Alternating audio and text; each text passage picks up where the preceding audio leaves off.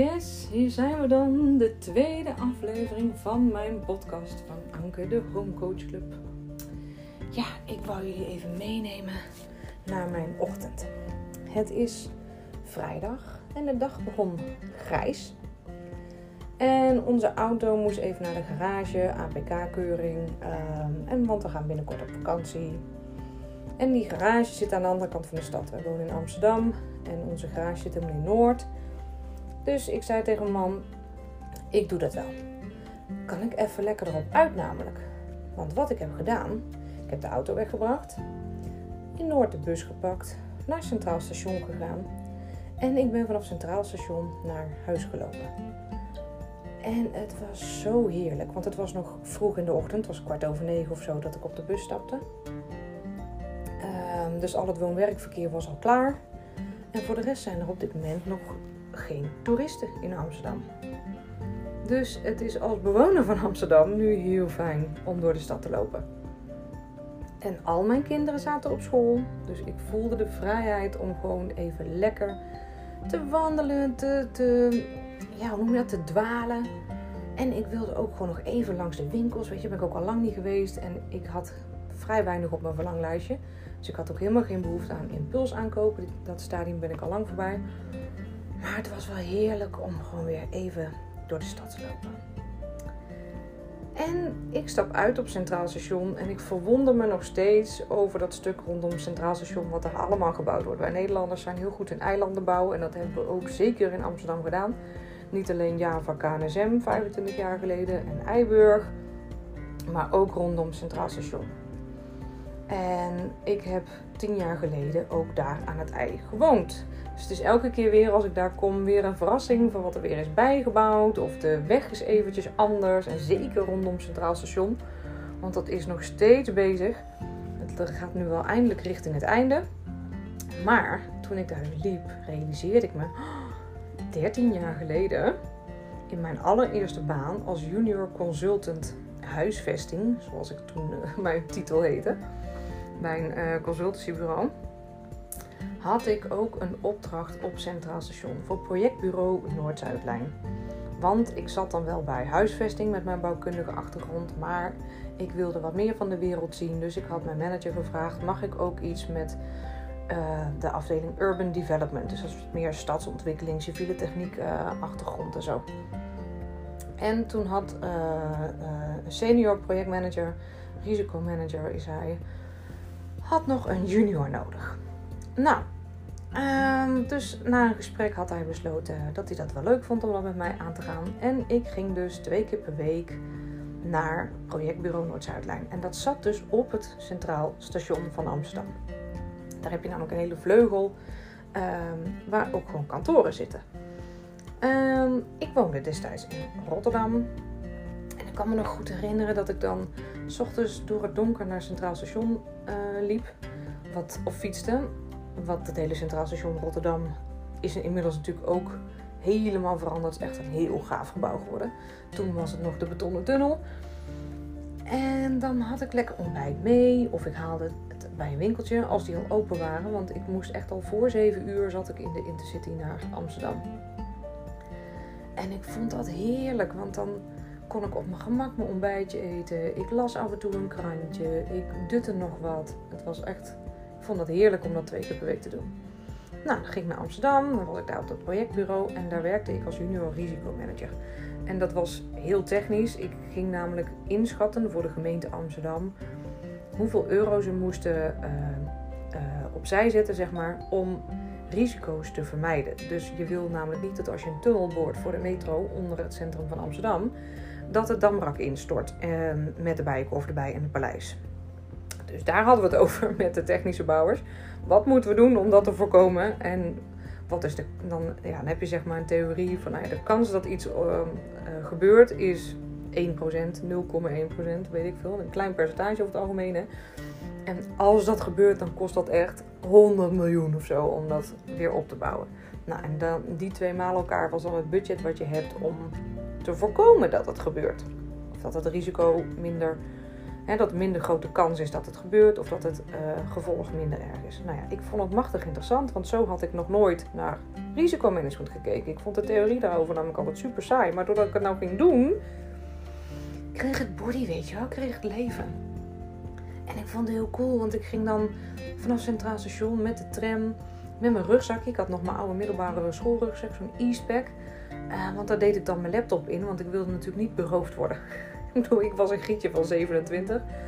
En ik wilde niet met zo'n laptoptas lopen. Ik vond dat altijd zo'n target, weet je wel. Dat je dan, uh, en dat hoorde je toen ook vaak. Je mocht ook nooit je laptop uh, voor de mensen met een leaseauto dat in de auto laten liggen. Want dan kon gejat worden. Nou, bla bla bla. Dus ik deed dat dan in mijn rugzak. En dan ging ik naar die verschillende stations van de uitvoerders. En dan ging ik daar dus die risico's met ze bespreken. En ik vond het altijd hilarisch. Want die mannen waren natuurlijk helemaal niet gewend dat er een vrouw kwam. Dat ten eerste. Dan was ik ook nog eens jong.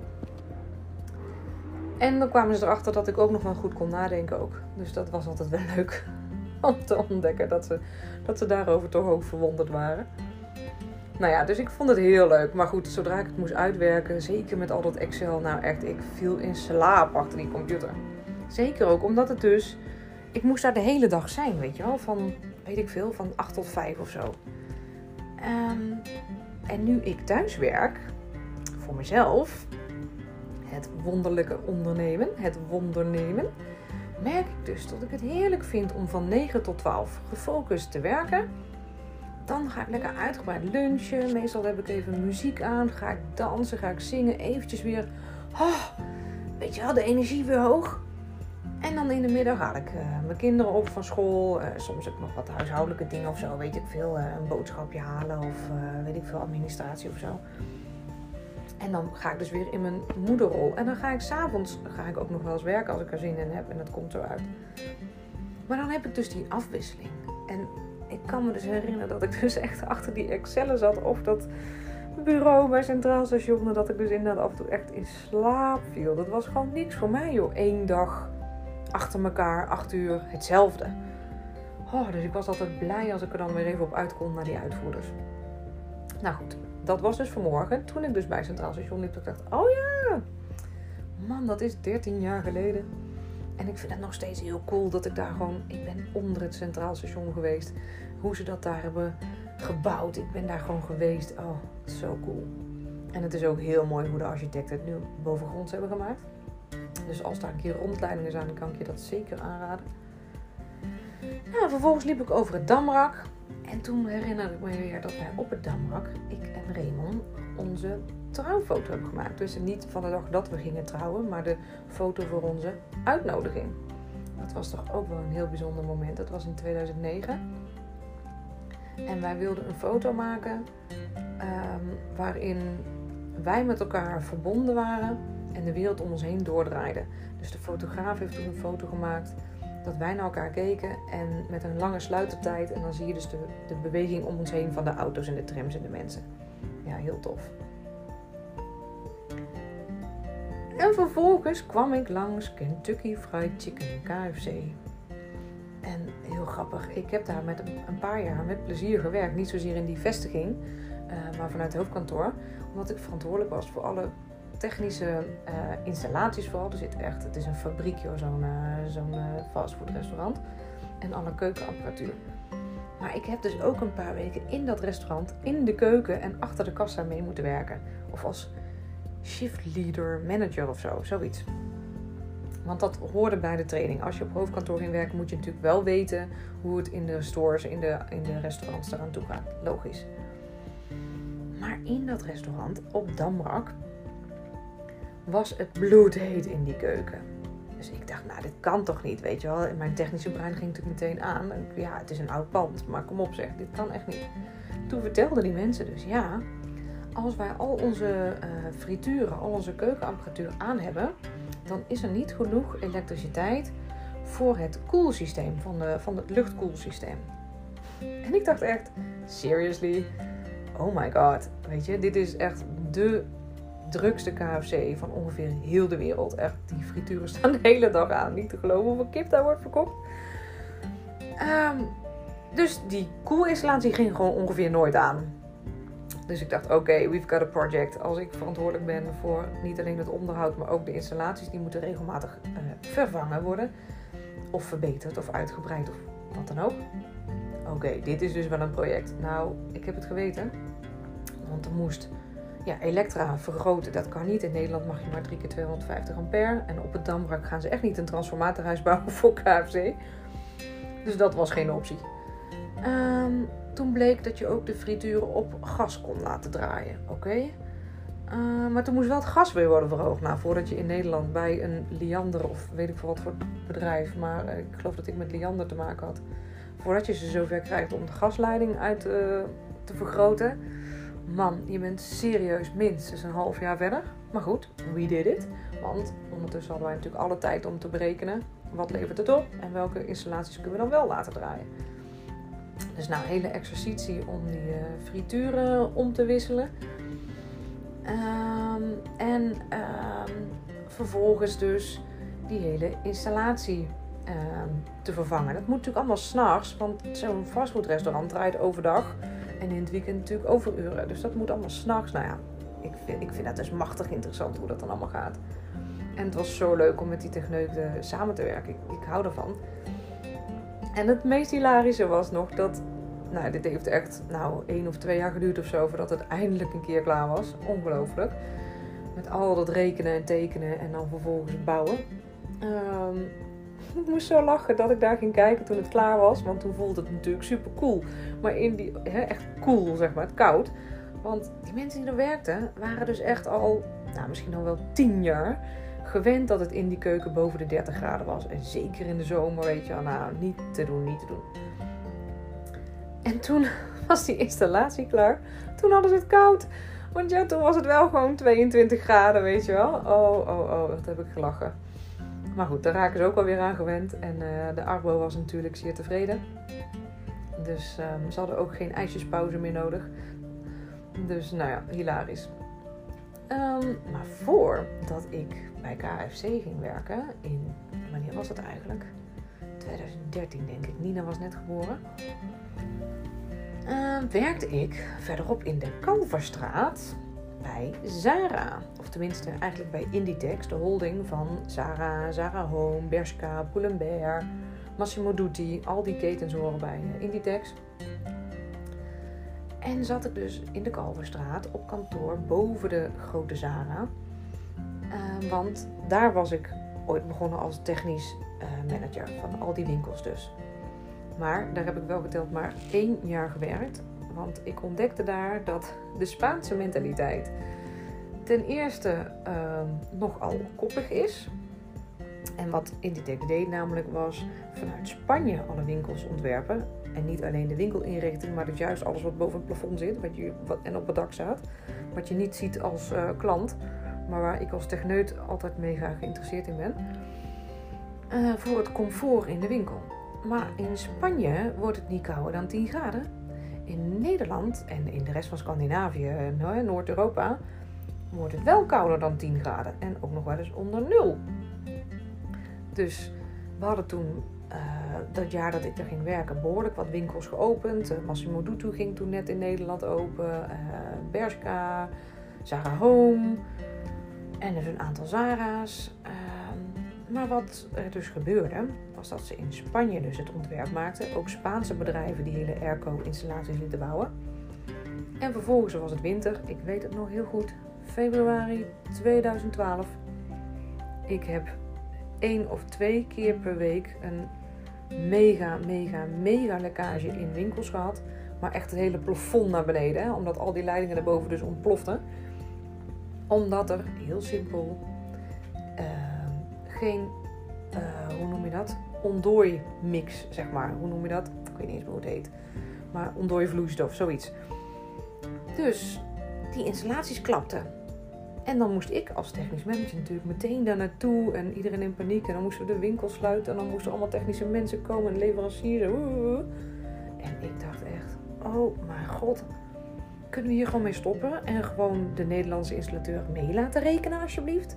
Nou, dat was niet de bedoeling dat ik dat als uh, Pietje Puk zeg maar in Nederland ging vertellen natuurlijk. Maar ja, ik moest wel de shit oplossen. Ik moest echt in het weekend en, en s'nachts moest ik bereikbaar zijn. Ik moest altijd meteen hoep, daar, er naartoe. Ik heb zelfs een keer Koningsdag gemist, omdat het toen in Den Haag helemaal misging. Was ook zo'n heel plafond naar beneden gekletterd. Echt ongelooflijk. Um, en later dat jaar, in 2012, ontdekte ik dat ik zwanger was. Ik was zwanger van Nina. En toen dacht ik, oké, ik ben het er al inhoudelijk rationeel niet mee eens hoe het hier technisch gezien eraan toe gaat. Hoe je met winkels en installaties omgaat. Maar nu ik moeder ga worden, ga ik dit ook zeker niet accepteren.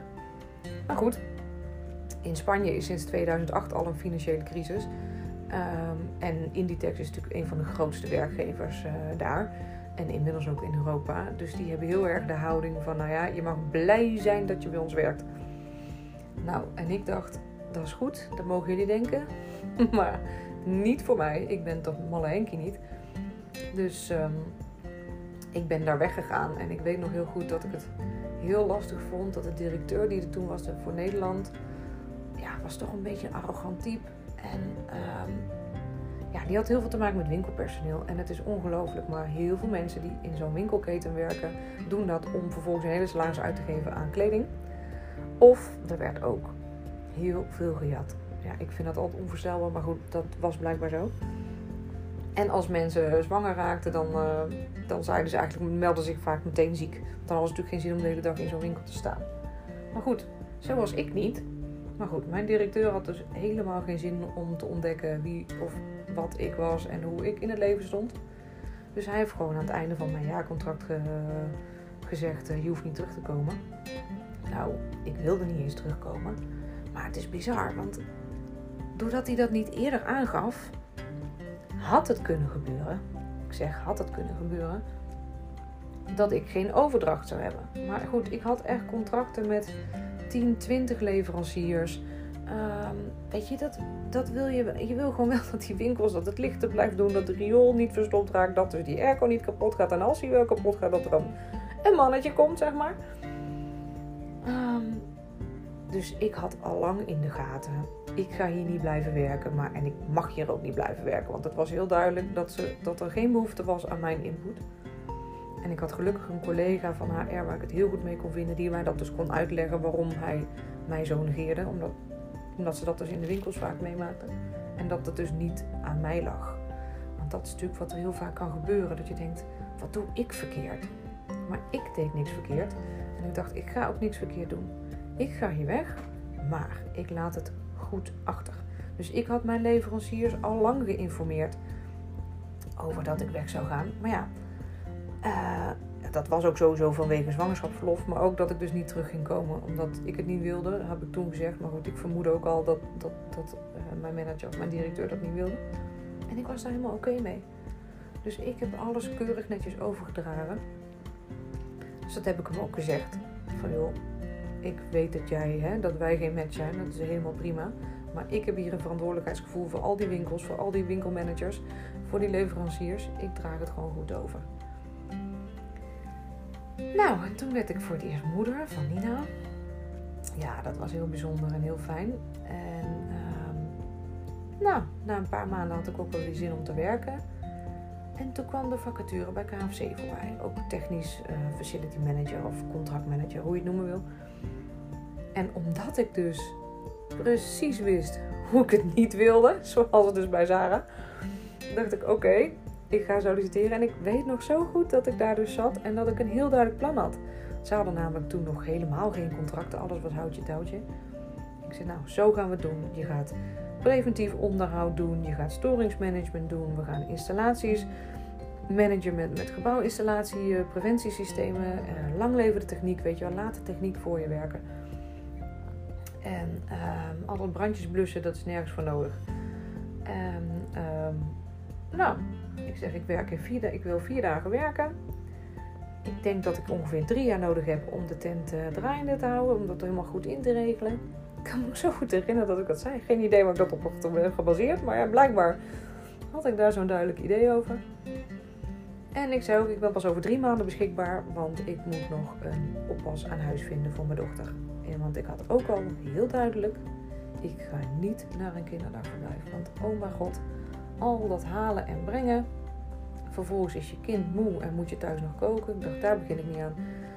Dan word ik een gestreste moeder en dat kan niet de bedoeling zijn van dit leven. Dus ik heb toen een eh, gastouder aan huis genomen. Of gewoon eigenlijk twee studenten. Ik geloof dat ik daarmee begonnen ben. Tegenwoordig heet dat gastouder, maar ik weet niet of dat toen al bestond. En dan had ik twee, twee dagen de een en twee dagen de ander. En dat was zo fijn, want ik ging s'morgens de deur uit. Nina sliep vaak nog. En als ik dus aan het werk was, ging thuis het huishouden gewoon door. De was werd opgevouwen, het eten werd gekookt, Nina kreeg vers fruit. Ze ging naar de speeltuin, ze gingen naar het museum, naar het park. Ze kon slapen wanneer ze wilde, ze kon gewoon haar eigen ritme. Ideaal. Maar wat ik dus zo leuk vind, is dat ik wel... Ik heb wel eens de neiging om te zeggen, ik heb niet zoveel met Amsterdam. Maar op dat wandelingetje vanmorgen van Centraal Station naar de negen straatjes... kwam ik dus drie uh, vorige werkgevers tegen. En ja, dit soort leuke verhalen. Dus ik vind ze leuk. Misschien denk jij wel, oh mijn god, Ang, dit was niet waarom ik naar de podcast van de Homecoach Club luisterde. Um, want wellicht denk je, ja, dat heeft, heeft toch niks te maken met de Homecoach Club. Nee, dat klopt. Ik doe nu echt wel hele andere dingen. Maar ik ben ooit bouwkunde gaan studeren. Omdat ik wist, ik wil architect worden. En ik wil mensen in een fijn huis laten wonen en op een fijne plek laten werken. En ik dacht, daar moet je architect voor worden. Maar uh, in stages op architectenbureaus werd ik uiteindelijk niet heel gelukkig. Want het is heel veel technisch tekenen, heel veel achter de computer, heel eenzijdig. En het is ook heel erg. Uh, ja, hoe zou ik het zeggen?